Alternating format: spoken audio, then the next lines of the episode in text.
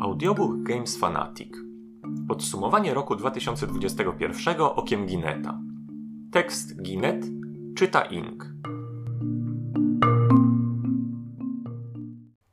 Minął kolejny rok. Wystawiona na ciężką próbę w roku 2020 ze względu na obostrzenia fascynacja planszówkami na szczęście nie zniknęła.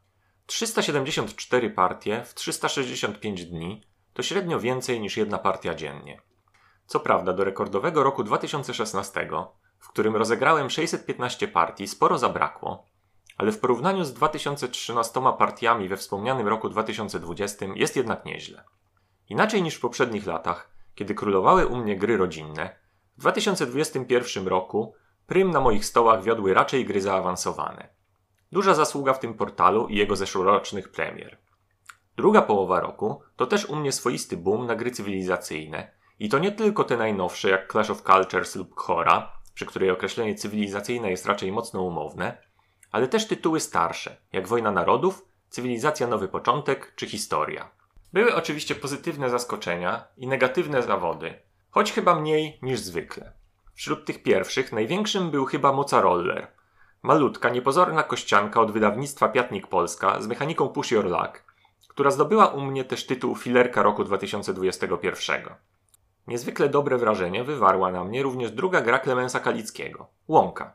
Co prawda, patrząc na oprawę graficzną, myślałem, że ciężkością gra będzie zbliżona do poprzedniego jego dzieła, Domku. Tymczasem okazała się ona tytułem bardziej zaawansowanym, ale to w żaden sposób nie wpłynęło na mój bardzo pozytywny odbiór rozgrywki. Jeżeli chodzi o gry, które najmniej przypadły mi do gustu w minionym roku, to były chyba nimi Holi Festiwal Kolorów, Eksplodujące Kotki Imprezka oraz dla kontrastu najlepsza gra o psach. Niemniej jednak nie miałem wobec nich jakichś większych oczekiwań, a partie we wszystkie trzy zagrałem dosyć przypadkowo. Zdecydowanie bardziej liczyłem natomiast na nową Dune Imperium od Lucky Duck Games i Mercado de Lisboa od Hobbity. Stąd mój zawód w tym wypadku był dużo większy. O ile jednak w stosunku do Duny miałem pewne zastrzeżenia natury mechanicznej, to w przypadku Mercado de Lisboa rozgrywka okazała się po prostu piekielnie nudna. Mocno zawiodły mnie też dwa sztandarowe tytuły wydane w tym roku przez Fox Games. Zombie Teens, po rewelacyjnym zeszłorocznym Zombie Kids Ewolucja, liczyłem zdecydowanie na więcej. A tymczasem otrzymałem odgrzewany kotlet, w dodatku łatwiejszy i mniej emocjonujący od pierwowzoru, przynajmniej do etapu, do którego dotrwałem. Miasto w chmurach, przecież Phil Walker Harding nie wymyśla kiepskich gier, co najwyżej przeciętne, wide gizmos. A jednak nawet współmistrzowi ciągle smacznych odgrzewanych mechanik zdarzają się gafy – Gra okazała się nie tylko nudna jak flaki z olejem, ale też upierdliwa w obsłudze.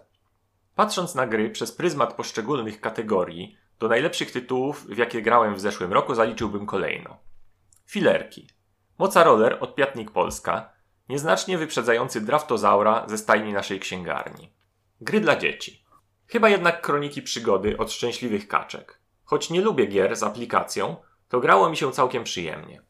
Poza tym w tej kategorii nie było u mnie zbytniej konkurencji, bo na pewno zaliczyć do niej nie mogę wspomnianych Zombie Teens. Gry imprezowe. Choć najwięcej partii zanotowanych mam w jednym słowem, to na wyróżnienie tu zasługuje Fiesta de los Muertos od wydawnictwa Granna, którą poznałem dopiero w grudniu. Gra przypomina nieco połączenie wspomnianego Just One z Podaj Dalej, gdzie na podstawie pisanych przez współgraczy podpowiedzi musimy zidentyfikować zmarłego, w intencji którego wyprawiana zostaje uczta. Gry rodzinne. Lamaland. Po zawodzie, jaki przeżyłem w przypadku miasta w chmurach, Lamaland przywrócił nadzieję i wiarę, że pan Walker Harding, mieszając wykorzystane już mechaniki, dalej potrafi stworzyć proste, lecz bardzo grywalne i, co równie istotne, zapewniające świeże doznania dzieło. Wspomnieć też muszę o Kokopeli, grze Stefana Felda, która, choć dobra mechanicznie, zawiodła mnie trochę totalnym brakiem klimatu i przeciętną oprawą graficzną, a bardzo rozczarowała polskim wydaniem, w którym napisy na kartach umieszczone zostały w języku angielskim.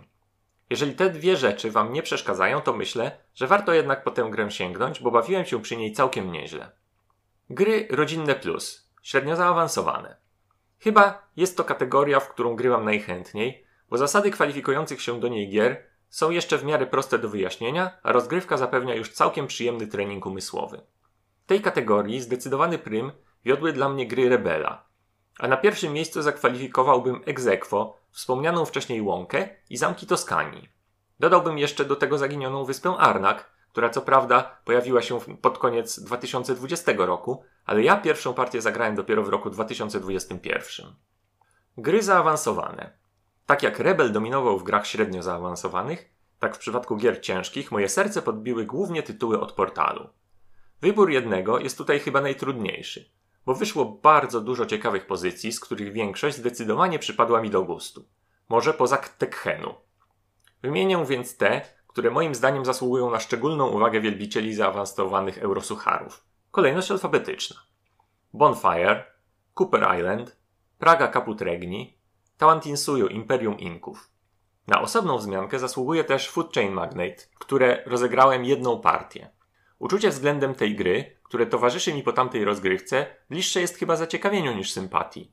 Bo choć przegrałem z Kretesem, a przez całą rozgrywkę nie do końca wiedziałem, czy moje działania mają jakiś sens, to chętnie spróbowałbym podejść do tej gry kolejny raz, żeby określić mój ostateczny stosunek do niej. Gry z kampanią. W takie grałem w ubiegłym roku dwie, nie licząc oczywiście Zombie Teens i Kronik Przygody. Scythe Fenris powstaje i Gloomhaven Szczęki Lwa. Obie dobre, choć jakbym miał wybierać, to zdecydowanie postawiłbym na kampanię w Scythe, która w mojej opinii nie tylko była ciekawsza fabularnie, ale też bardziej urozmaicona mechanicznie. Przy czym kampania Gloomhaven Szczęki Lwa jeszcze nie jest skończona. Dodatki. Sporo w tym tekście dostało się ode mnie grom lisków, ale muszę przyznać, że dwa małe dodatki do i tak już świetnej sagrady były rewelacyjne, szczególnie dodatek życie. Tak więc, jeżeli ktoś jest fanem układania kościanych witraży, to koniecznie powinien się w oba rozszerzenia zaopatrzeć. Wspomnieć też muszę o arcyciekawych mini dodatkach do zamków Burgundii, zawartych w Big Boxie, których chyba jednak oddzielnie kupić obecnie nie można, oraz dwóch dodatkach do siedmiu cudów świata pojedynek Panteon i Agora. Recenzje lub rzuty okiem na zdecydowaną większość tych gier znajdziecie w naszym serwisie. Wystarczy, że klikniecie w tekście na dany tytuł. Jeżeli więc któraś z tych gier Was bardziej zainteresowała, zachęcam do poczytania tekstu o niej. A Wam, drodzy czytelnicy, życzę jak najlepszego i obfitującego w setki partii nowego roku 2022.